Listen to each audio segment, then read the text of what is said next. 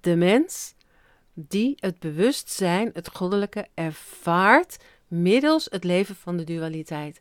Middels die tegengestelde, middels dat, dat ehm, nou, die andere kant van wie jij bent. En de verwarring zit in dat we naar buiten kijken hè, met onze ogen, met onze zintuigen. En dat we denken dat we zijn wat we zien. Maar we zijn niet wat we zien.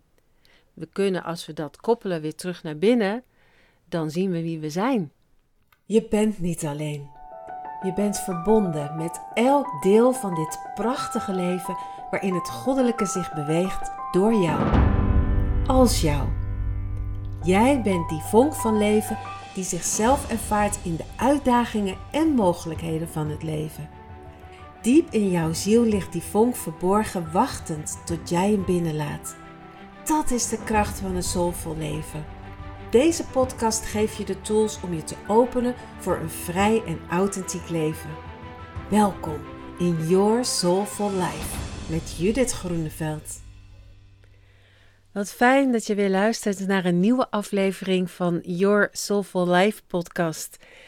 En vandaag in deze aflevering wil ik het heel graag hebben over: ben je hier op aarde om te leren of om te ervaren? En in deze podcast zoeken we samen naar een, uh, ja, een antwoord daarop is misschien groot gezegd, maar naar een manier om er tegenaan te kijken. Want ik vind de waarheid verkondigen of het antwoord geven, dat is eigenlijk aan iedereen zelf. Het is, uh, en daar komen we al op een stukje ervaren. Het is hoe jij het leven ervaart en je hebt er zo het volste recht op om dat te doen op jouw manier.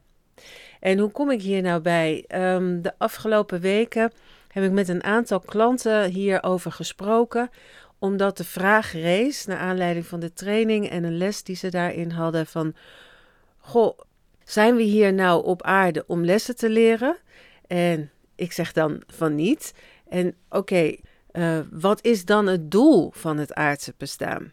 Ja, dan kwam daar ook bij van wat is dan het lot of karma? En uh, nou ja, dan is dat ook een soort van zinloos.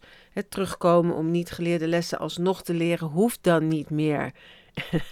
ja, en uh, een van de vragen van een van mijn klanten was: als we hier alleen zijn om te ervaren, wat is dan de diepere zin van dat waar ik qua ziekte tegenaan loop?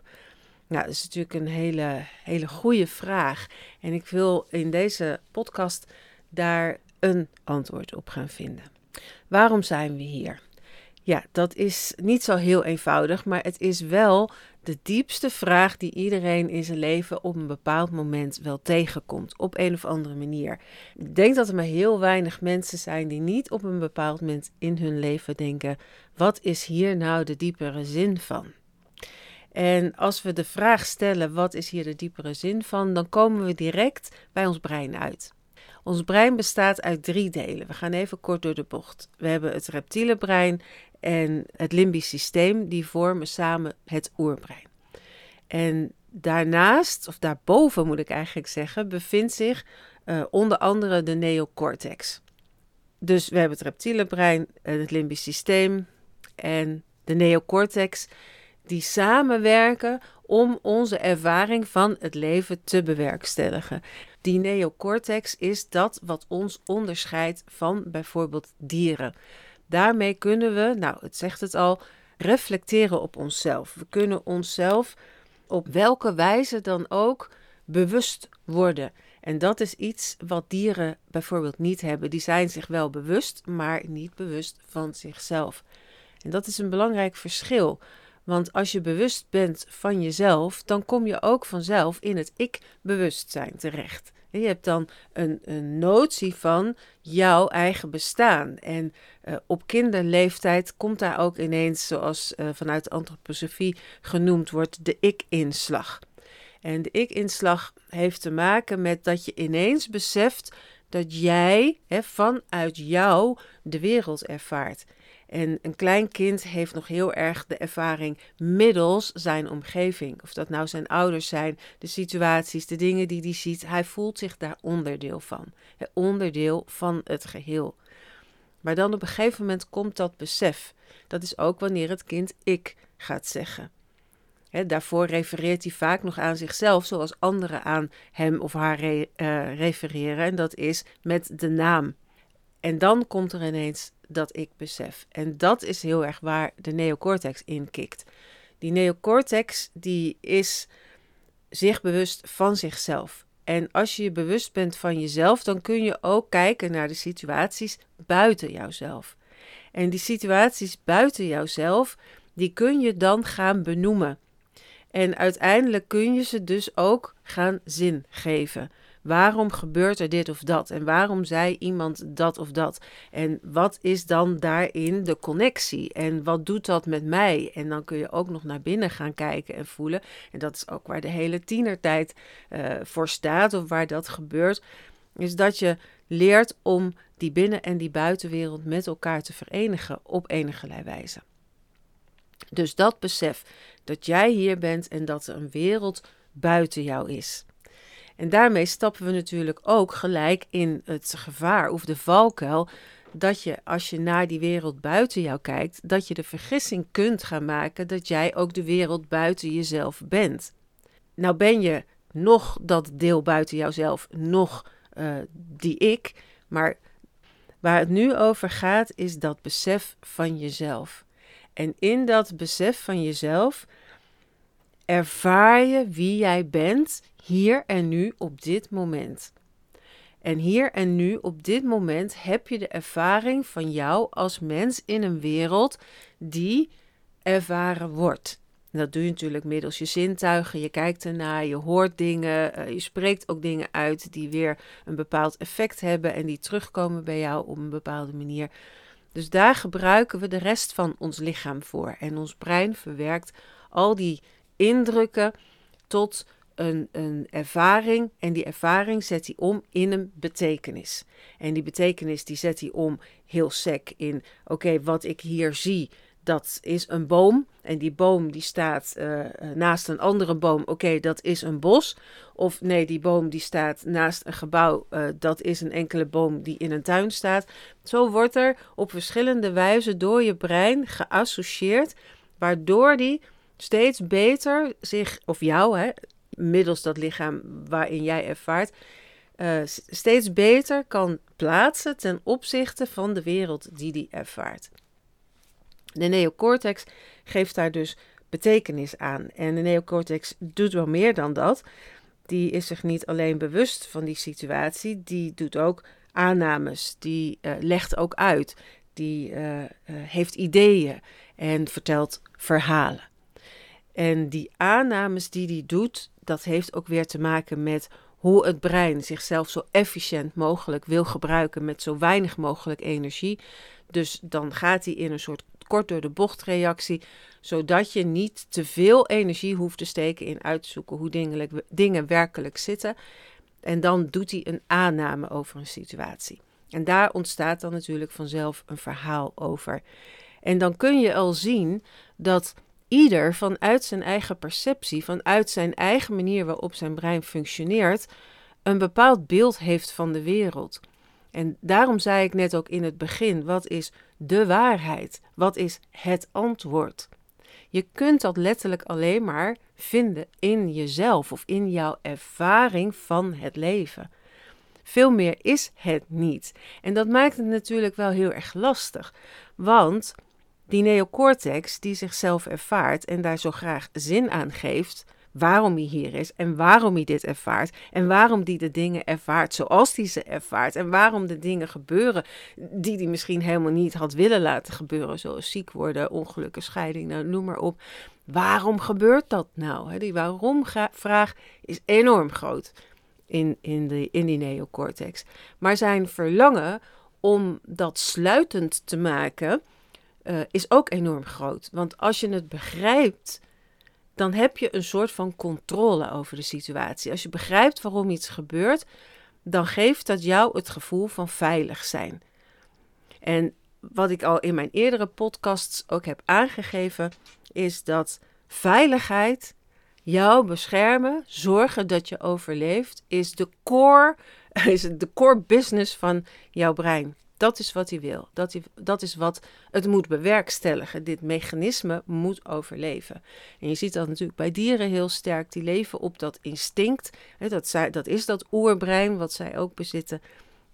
En die geven daar niet zoveel betekenis aan. Die doen dat gewoon. Als zij een ander dier moeten vermoorden omdat ze honger hebben, doen ze dat. Die hebben daar geen moreel besef bij. Die denken niet van, goh, dat zou ik toch eigenlijk niet moeten doen, want dat dier heeft net zoveel recht om te leven als ik. Die volgen hun instinct en doen dat eigenlijk wat het leven doet.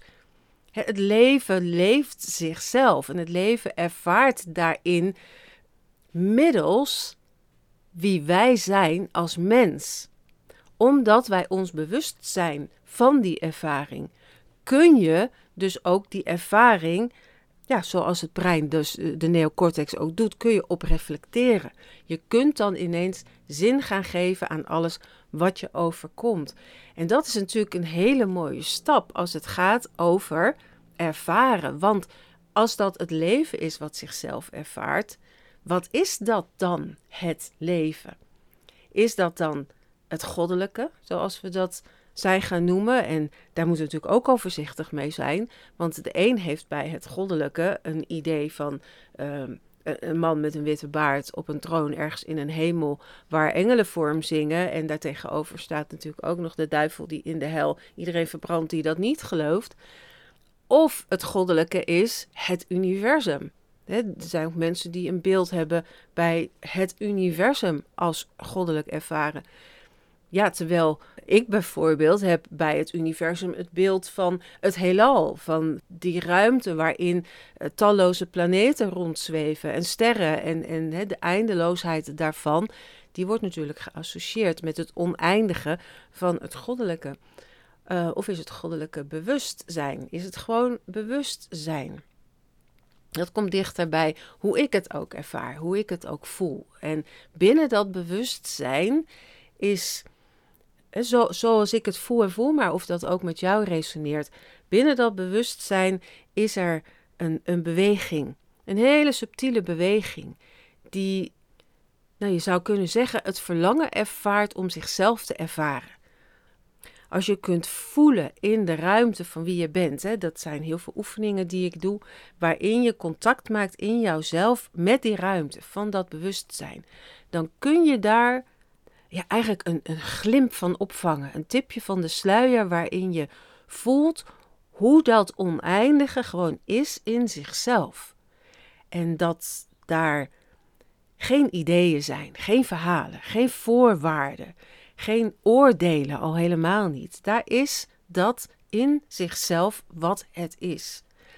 En je kunt je ook voorstellen dat dat wat we God zijn gaan noemen, of dat wat we de schepping zijn gaan noemen, dat deel is waar het verlangen is ontstaan om zichzelf te ervaren. En als je even de tijdlijn er ook nog tussenuit haalt, waar het verlangen ontstaat om zichzelf te ervaren. En vanuit dat ervaren worden allerlei dingen gecreëerd. Tot en met een aarde, met een dualiteit, waar je dus ook buiten jezelf jezelf kunt ervaren. Om te ervaren wie jij bent ten opzichte daarvan. dus dat zou dan betekenen, als we het bij heel simpel sec terug naar de basis donker en licht, dat je licht bent en je bent dat licht. Maar wat is dat nou om dat licht te zijn? Dat kun je het beste ervaren als je buiten jezelf donker ziet.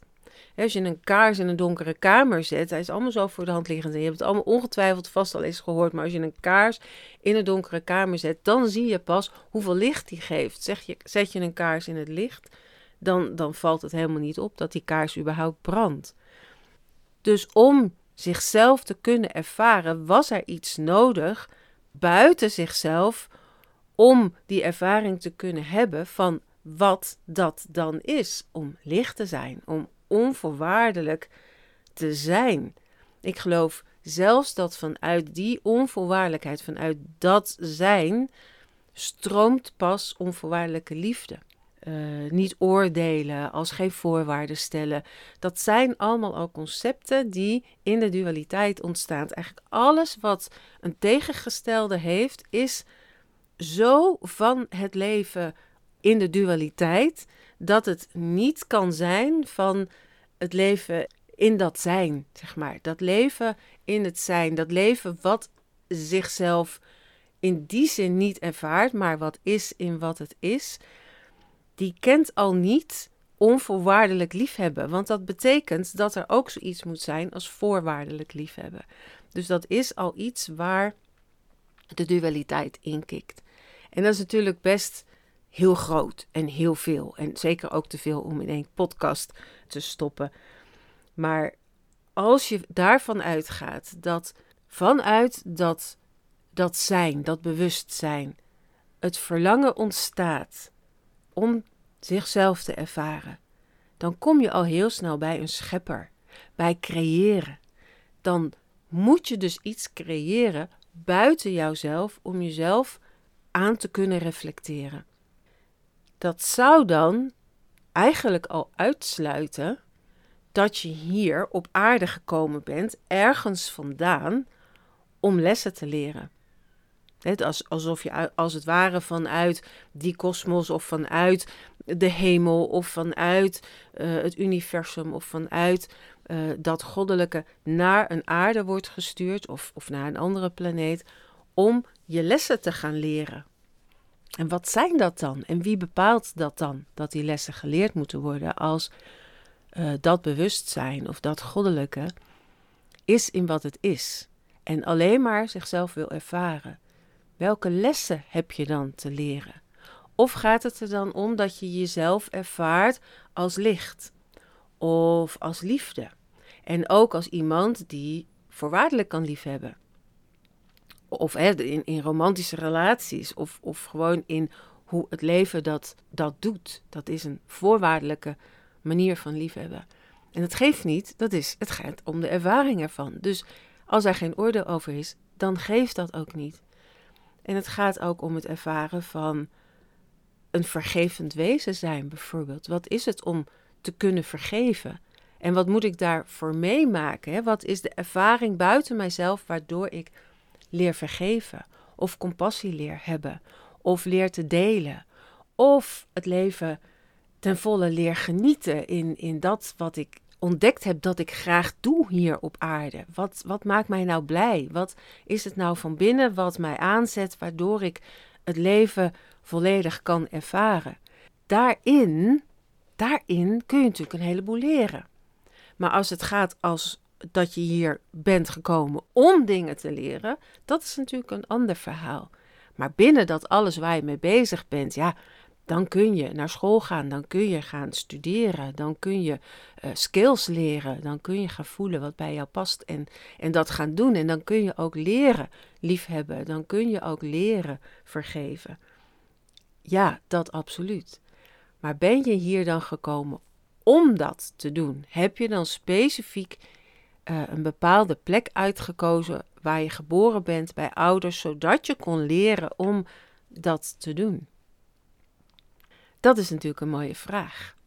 En daar zijn we mee bezig geweest. Daar uh, hebben we over gespart. Van, wat is dat dan en hoe voel je dat dan? En hoe is dat dan ten opzichte van als je natuurlijk gezond bent, dan zijn die dingen, hè, die concepten, zijn veel eenvoudiger. En dan kun je ook veel makkelijker zeggen, ja, zo is het nou eenmaal, of zo is het gewoon, of dat doe je gewoon. Maar als je op een punt komt in je leven dat je dat niet meer gewoon doet, of dat dat niet meer zo eenvoudig is, of niet meer zo vanzelfsprekend, dan gebeurt er iets anders. Dan besef je dat je, nou als je bijvoorbeeld met je gezondheid topt, zoals ik dat zelf heb meegemaakt toen ik een ongeluk kreeg en daar heel veel hoofd- en, en nekletsel aan over heb gehouden, dat ik op een gegeven moment niets meer kon, dat mijn, mijn hele systeem in mijn hoofd en mijn evenwichtsorgaan. En dat was, had allemaal zo'n optater gehad. Dat was zo kwetsbaar geworden dat ik kon nog geen pak melk dragen, bij wijze van spreken, uh, zonder duizelig te worden. Ik heb echt twee jaar lang me continu duizelig gevoeld. En dat ik wakker werd s'nachts en dat gewoon de kamer om me heen draaide. En dat ik dacht, ik heb niks gedaan. Maar ik had wel misschien net even verkeerd gelegen. En dat zijn dan de momenten uh, waarin ik ook zo moe werd dat ik elke ademhaling was al te veel. Ik, ik had gewoon, weet je, ik dacht, oh, hoefde ik maar niet meer adem te halen. Het is zo vermoeiend. Ja, dan ben je gewoon echt heel erg ver weg. En wat gebeurt er dan? Dan zijn dit soort dingen waarin mensen dan tegen je zeggen, wat echt gebeurde. Joh, het zit gewoon tussen je oren. Ja, nou zat het dat toevallig ook. Maar hè, je moet gewoon opstaan en, en buiten gaan wandelen. Dat is goed voor je. En vooral dat, dat woordje gewoon ertussen. Nou, ik kon ze wel schieten. Want het was niet gewoon. Lopen voor mij, nou, ik kon de straat uit en dan was ik op. Dus het was niet meer gewoon. En dan gaat het ineens over andere dingen. Het enige wat ik nog kon was naar binnen gaan. Was stil worden. Want al het andere wat ik deed, werd ik duizelig van. Ik kon niet op mijn uh, computer kijken. Ik kon niet op mijn telefoon kijken. Ik kon nauwelijks een boek lezen. Ik kon alleen maar zijn. Aanwezig zijn in dat wat er was. En dat wat er was, was natuurlijk niet leuk, want er moest heel erg veel. Ik moest voor het huishouden zorgen. Ik moest voor mijn kind zorgen. Ik moest een bedrijf runnen. Ik moest werken. Ik, ik moest uh, voor eten zorgen, boodschappen doen. Nou, de meest simpele dingen. Maar ik kon ze niet meer.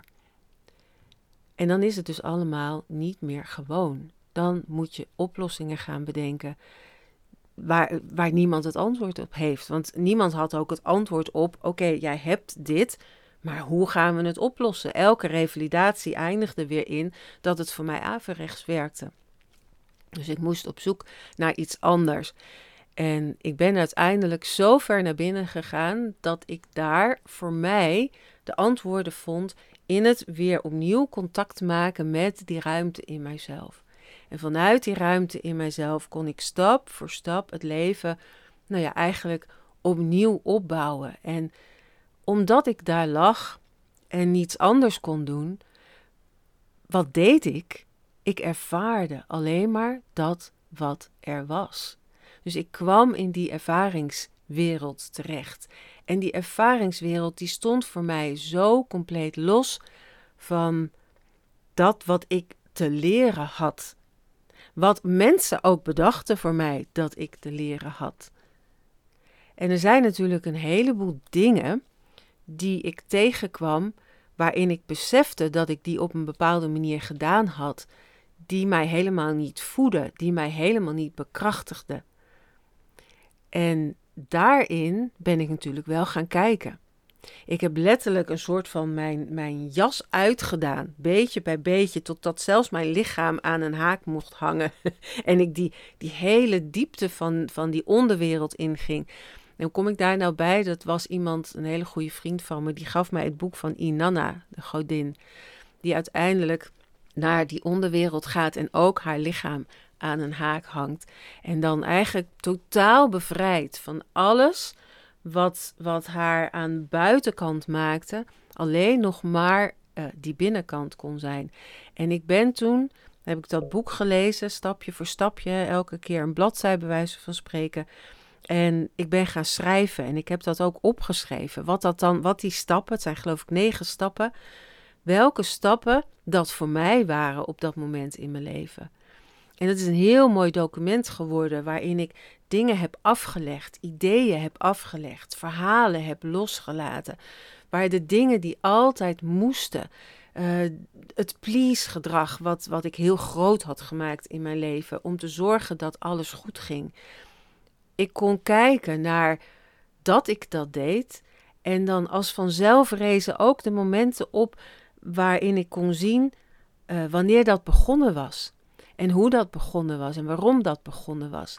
En in die begintijd was ik nog bij een, een psycholoog, hè, dat holistisch uh, revalideren. Dus dan ga je ook gesprekken aan met, een psycholoog. En die ging met mij heel diep die, um, die momenten van vroeger in, hè, waar, waarin ik dan uh, dacht iets te helen te hebben. En ik merkte elke keer als ik daar naar terugging, dat mijn hele systeem zich weer zo ging gedragen. Dat mijn hele systeem zich weer dat afgewezen kind voelde. Of dat kind wat, uh, wat alleen in het donker in de nacht lag en, en bang was. En, en niet wist hoe ze het leven vorm moest geven. En dat er niemand was die dat met haar deelde. En die haar uh, een arm om haar heen sloeg of er voor haar was. En wat er gebeurde is dat ik ook letterlijk weer de, de fysieke uh, mankementen zeg maar, van dat kind ook voelde.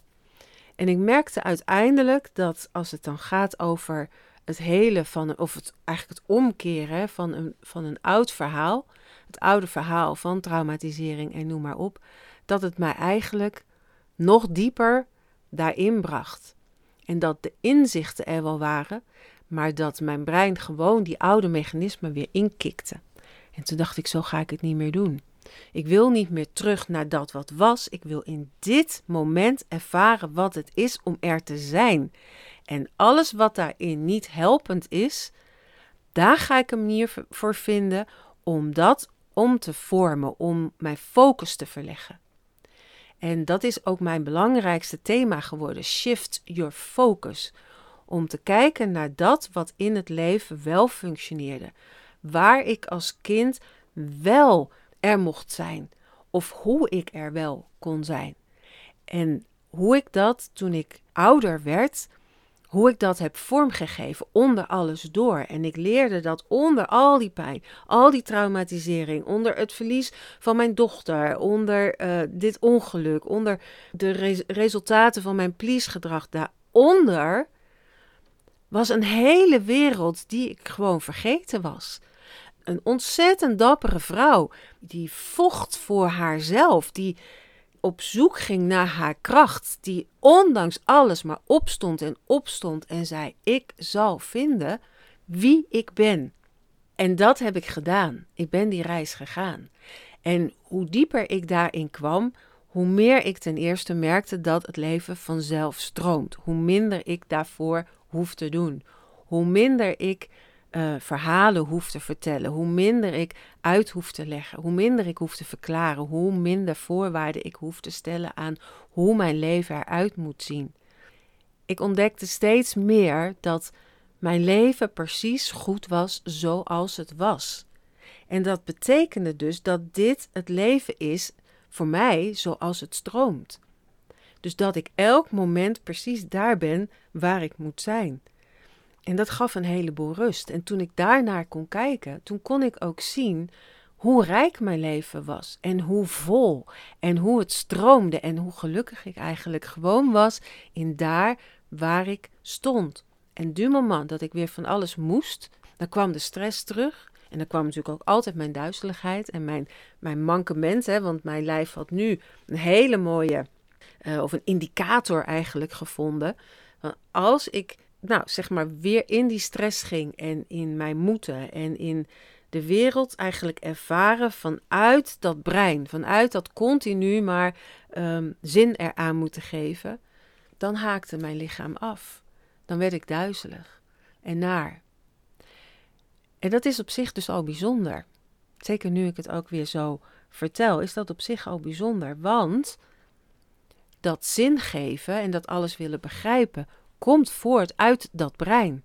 En waar kwam dan dat gevoel uit voort waarin mijn lichaam ging protesteren? Waarin mijn lichaam dus een reactie ging geven, eigenlijk een stressreactie. Dat kwam omdat mijn brein blijkbaar in die situatie om te proberen te overleven op een stresslevel ging zitten.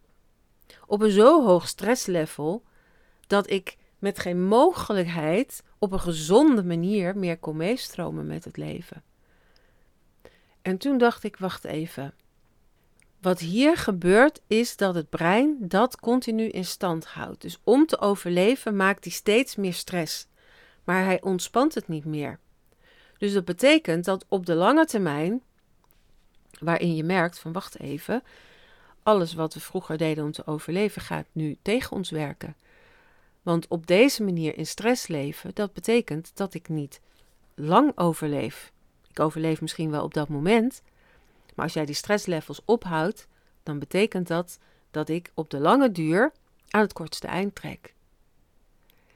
En toen kwam het moment dat ik voelde, vanuit die ruimte waarin ik steeds vaker terecht kwam, waarin ik voelde hoe het leven stroomt vanuit zichzelf, vanuit de ervaring van zichzelf middels ons als mens, Dat de dingen gewoon gebeurden in een flow. Dat het vanzelf ging. Dat er ook niemand en helemaal niets een oordeel had over waar ik mee bezig was of hoe die ervaring er precies uit moest zien. Maar oh my god, leven we in een wereld waarin alles en iedereen een bepaald idee heeft van hoe het leven eruit moet zien en hoe we daarin verdwaald zijn. Maar moeten we dan leren om ondanks dat allemaal bij onszelf te blijven? Of leert de ervaring, dus het ervaren van al die tegengestelden, van wat je niet bent, leert die ervaring je vanzelf wat je wel bent. Als je die focus shift, als je stil wordt en gewoon kijkt, waar kijk ik nu naar? Zoals het goddelijke zichzelf wilde ervaren door het duister te zien en kon zien wat voor een prachtig licht het was, is het dan ook niet zo dat als we zien hoeveel druk er op ons staat aan die buitenkant, dat we kunnen ervaren hoe moeiteloos we eigenlijk zijn in hoe we stromen in ons leven, in de ervaring van ons leven. Is dat dan een les of is dat dan een ervaring? Het probleem met die les is dat er, als je naar school gaat, dan wordt er les gegeven en er wordt ook getoetst en dan moet je uiteindelijk examen doen. Je werkt ergens naartoe. Je kunt dan lezen, je kunt dan schrijven of je kunt arts zijn of advocaat. Het is altijd een einddoel te behalen. En natuurlijk kun je daar ook nog weer verder in leren, maar je wordt altijd een soort van getoetst. En daarom voegen we dat ook vaak toe. Als we hier, als we denken dat we hier zijn om lessen te leren, dan worden we ook getoetst hè, of op de proef gesteld. Of ja, ik moet nu leren om en dit is een test. Maar mijn idee is dat er het leven zelf, daarin is niets of niemand die testen afneemt, die jouw examen laat doen en die dan zegt: Nou, dus mooi, je hebt het dit leven goed gedaan. Je mag het volgend leven mag je een klas hoger en mag je iets anders leren. Ik denk dat het leven zichzelf ervaart en dat wij als mens door middel van die prachtige neocortex, die zichzelf kan ervaren, die daar ook zin aan kan geven en verhalen kan vertellen, dat het leven zichzelf ervaart. En dat daarin kun je dingen leren, als je dat wenst. Maar niet omdat je ergens naartoe moet of omdat je iets moet worden. Ja, je mag iets worden hier op aarde, iets wat je fijn vindt om te doen en, en waar je je skills in, in wilt improven en, en wat je graag wil doen. Maar je hoeft niet een verlicht wezen te worden of je hoeft niet uh, goddelijk te worden, want dat ben je allemaal al. Je bent al een deel van dat goddelijke wat zichzelf ervaart. Je bent al dat licht wat in deze wereld mag gaan stralen. Mensen hebben het tegenwoordig heel vaak over shinen. En als je wilt shinen, dan moet je al je skills en dan moet je dat op die manier en je moet jezelf laten zien en je moet zichtbaar worden. Daar zit voor heel veel mensen ongelooflijk veel druk op. Als je in die creatieflow terechtkomt, dan gaat dat ook allemaal vanzelf. En dat is waar het over gaat. Je moet niet shinen, je shined. Per definitie, omdat jij dat goddelijk licht bent wat hier op aarde is gekomen om te shinen. Alles omdraaien. Dat is zo mooi. Ik merkte in mijn hele uh, revalidatie- en herstelperiode, wat al met al tien jaar in beslag heeft genomen. Niet dat ik in die tien jaar niets heb kunnen doen, maar dat was natuurlijk een opbouwend proces. Merkte ik dat ik beetje bij beetje alles in het leven kon omkeren. Dat ik echt mijn focus kon shiften van de ene naar de andere kant en dat het leven ineens vanuit daar moeiteloos werd. Een ervaring werd die oké is zoals hij is, waarin jij gewoon kunt zijn en mag zijn en moet zijn, want hoe kan het anders wie je bent? En je bent dus al dat licht. Dus je bent al verlicht. En zolang je hier op aarde bent om te ervaren wie je bent, kun je dus ook niet wakker worden. Ik stel dat altijd voor als, um, als je gaat slapen en je gaat dromen. En als je in die droom bent, je kunt ook lucid dromen, maar als je in die droom bent, dan ben je in die wereld en er gebeurt daar van alles. En je denkt op dat moment wel dat dat echt zo is. Maar als je wakker wordt, dan ben je weer in je eigen bed en die hele wereld is weg. Die wereld is weg. Misschien zit die nog ergens een beetje in je herinnering, maar die wereld is weg en je bent gewoon weer in je leven en je doet daar wat gedaan moet worden. Voor mij werkt het leven zo ook. Je leeft dit leven, je ervaart, je doet daarin wat je, wat je gelooft hè, of wat je denkt dat je graag wil doen. En, en je gelooft ook dat dit allemaal echt is. Ik bedoel, toen ik uh, dat ongeluk kreeg en heel hard met mijn hoofd op de grond klapte, toen uh, was dat toch wel heel hard. Het gebeurde. Dus je denkt ook gewoon dat dit echt is. En dat is prima, want je bent hier om het te ervaren. En dat kan alleen maar als jij gelooft dat het echt is. Want als jij denkt dat het allemaal een grap is, dan ervaar je het niet op die manier. Dus dat, maar dat is weer even een zijstap. Dus als je wakker wordt, hier, ze zeggen dan iemand is woke, maar zolang je nog de ervaring van die dualiteit hebt, ben je, kun je niet wakker zijn. Dan kun je wel een heleboel bewustzijn hebben, maar ik denk op het moment dat je echt wakker wordt uit de droom van het hier leven op aarde, dan ben je weer dat bewustzijn. Dus zolang je hier bent, ben je de mens die het bewustzijn, het goddelijke, ervaart middels het leven van de dualiteit. Middels die tegengestelde, middels dat, dat ehm, nou, die andere kant van wie jij bent. En de verwarring zit in dat we naar buiten kijken hè, met onze ogen, met onze zintuigen en dat we denken dat we zijn wat we zien. Maar we zijn niet wat we zien. We kunnen, als we dat koppelen weer terug naar binnen, dan zien we wie we zijn. En dat maakt het leven een ervaring. En dan wil ik het nog heel even hebben over, over dat brein, over, dat, uh, over die neocortex. Die neocortex die dus al die verhalen vertelt om zin te geven aan wie we zijn. En dat is natuurlijk mooi, want daarmee creëer je je ervaring als mens. Hè. In mijn geval, ik heet Judith, dus ik creëer mijn ervaring als Judith.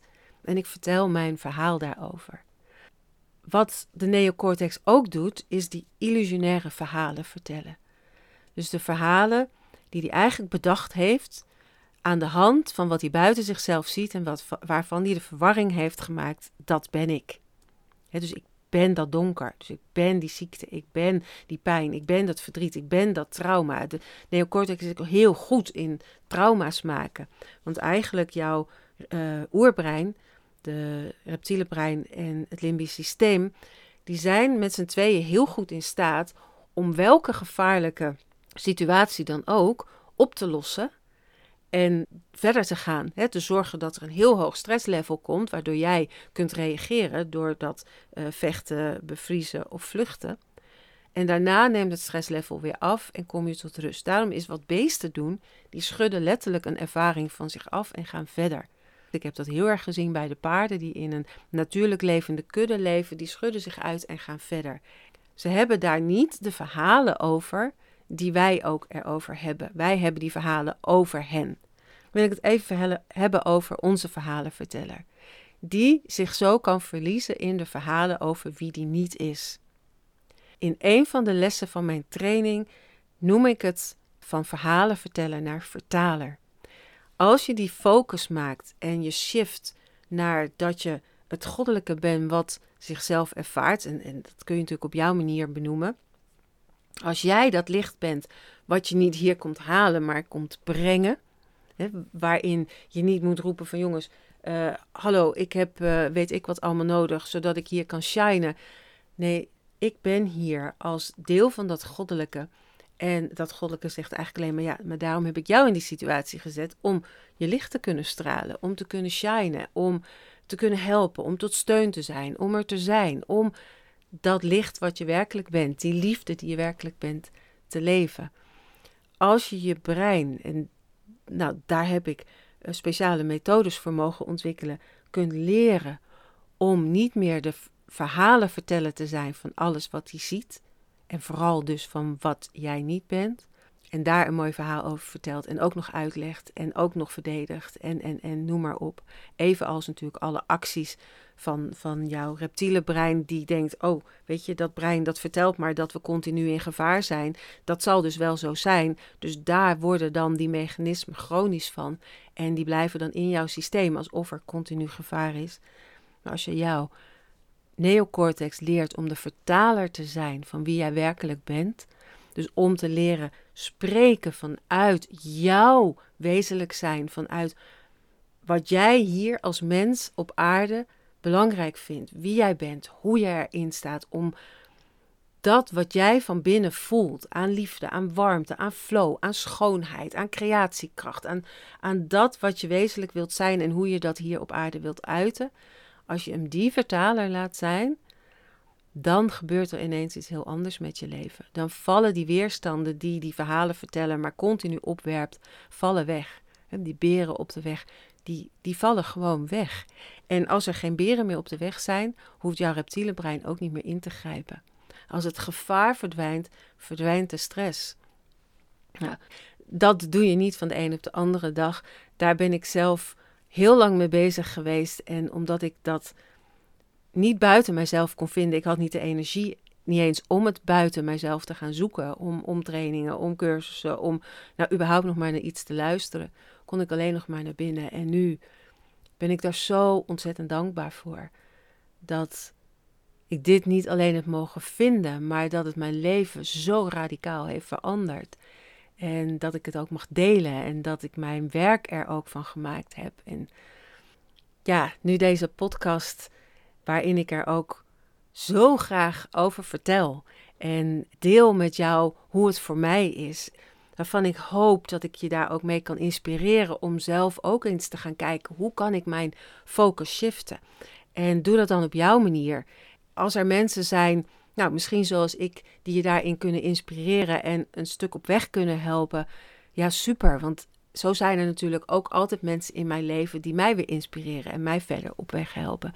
En zo kunnen we met elkaar weer leven vanuit die source. Want dat is waar het voor mij over gaat. Dat je vanuit die bron werkelijk jouw leven vormgeeft. Doordat je weet, dit ben ik. Ik hoef niet te gaan shinen door van alles te gaan doen. Ik shine en vanuit daar doe ik van alles.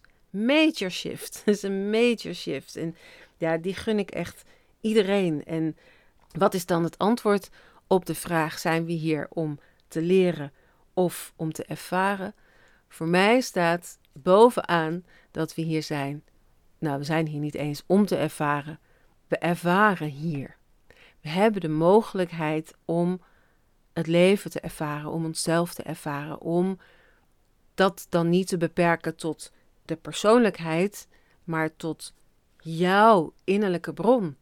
Dat jij daar bent als goddelijk licht om dat te ervaren en jezelf terug te zien in datgene wat tegenover jou in jouw buitenwereld gebeurt. En ja, daarin kun je leren, daar komt het woordje leren, om een shift te maken, om je daar niet in te verliezen, om daar op een andere manier naar te kijken. Maar eigenlijk gaat alles erom dat je, nou ja, die sluiers van die vergissing, van die illusie van wie je denkt te zijn doordat je kijkt naar je buitenwereld, afleggen en weer voelen wie je werkelijk bent en wie je, dat is het mooie hier als mens in die ervaringswereld van de dualiteit, dat je wel degelijk kunt kiezen voor dat wat je bent en dat wat je wilt uiten. Je kunt die focus shiften, want het is namelijk een keuze. En natuurlijk in dat hele bewustzijn en in, in dat hele goddelijke, wat gewoon is in wat het is, daar is natuurlijk geen, geen vrije wil, geen keuze, helemaal niet nodig. Daar ben je in dat wat er is. Maar omdat je als mens in de dualiteit leeft en alles duaal is, dus er is licht en er is duister, er is man, er is vrouw, er is uh, vergeving en er is wraak. Weet je, alles heeft zijn tegengestelde. Betekent dus ook dat je een keus kunt maken, want ook dat zijn er twee. Meestal. Het begint daar ergens en dan kun je weer nieuwe, nieuwe, nieuwe keuzes maken. Mij ligt daar dan misschien ook de illusie van, maar je maakt een keuze omdat je de duale wereld hebt, omdat je dus kunt kiezen voor donker of voor licht. En eigenlijk, ja, snap ik wel, heb je daarin geen keuze, want je bent überhaupt dat donker niet. Je ervaart jezelf als die tegengestelde. Nou, het is een mooi moment om deze podcast hierbij te laten, want het is al heel veel om op te reflecteren. En ik ben ook wel heel erg benieuwd, als je dit nou zo allemaal hoort, wat doet dat dan met je? En hoe voel jij het? En hoe, ja, hoe zie jij dit? Ervaar je? Leer je? Laat me het eens weten. Ben heel erg benieuwd. Je kunt dat doen door een review achter te laten in jouw podcast-app. Maar je kan ook naar mijn website gaan en daar mij gewoon een persoonlijk berichtje sturen. Dat mag ook via Facebook. En als je nog niet bevriend bent, stuur me dan even een berichtje en zeg dat je dit gehoord hebt. En dan kunnen we bevrienden. En dan kunnen we ook op die manier, kan ik ook, nou, gewoon eens horen of lezen hoe dat nou voor degene is die aan de andere kant zit en luistert. Super fijn dat je, dat je weer geluisterd hebt en onthoud, je kunt altijd je focus shiften voor een nieuwe kijk op het leven. En dat is Your Soulful Life. Dankjewel.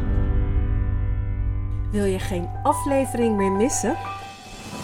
Abonneer je dan op deze podcast Your Soulful Life.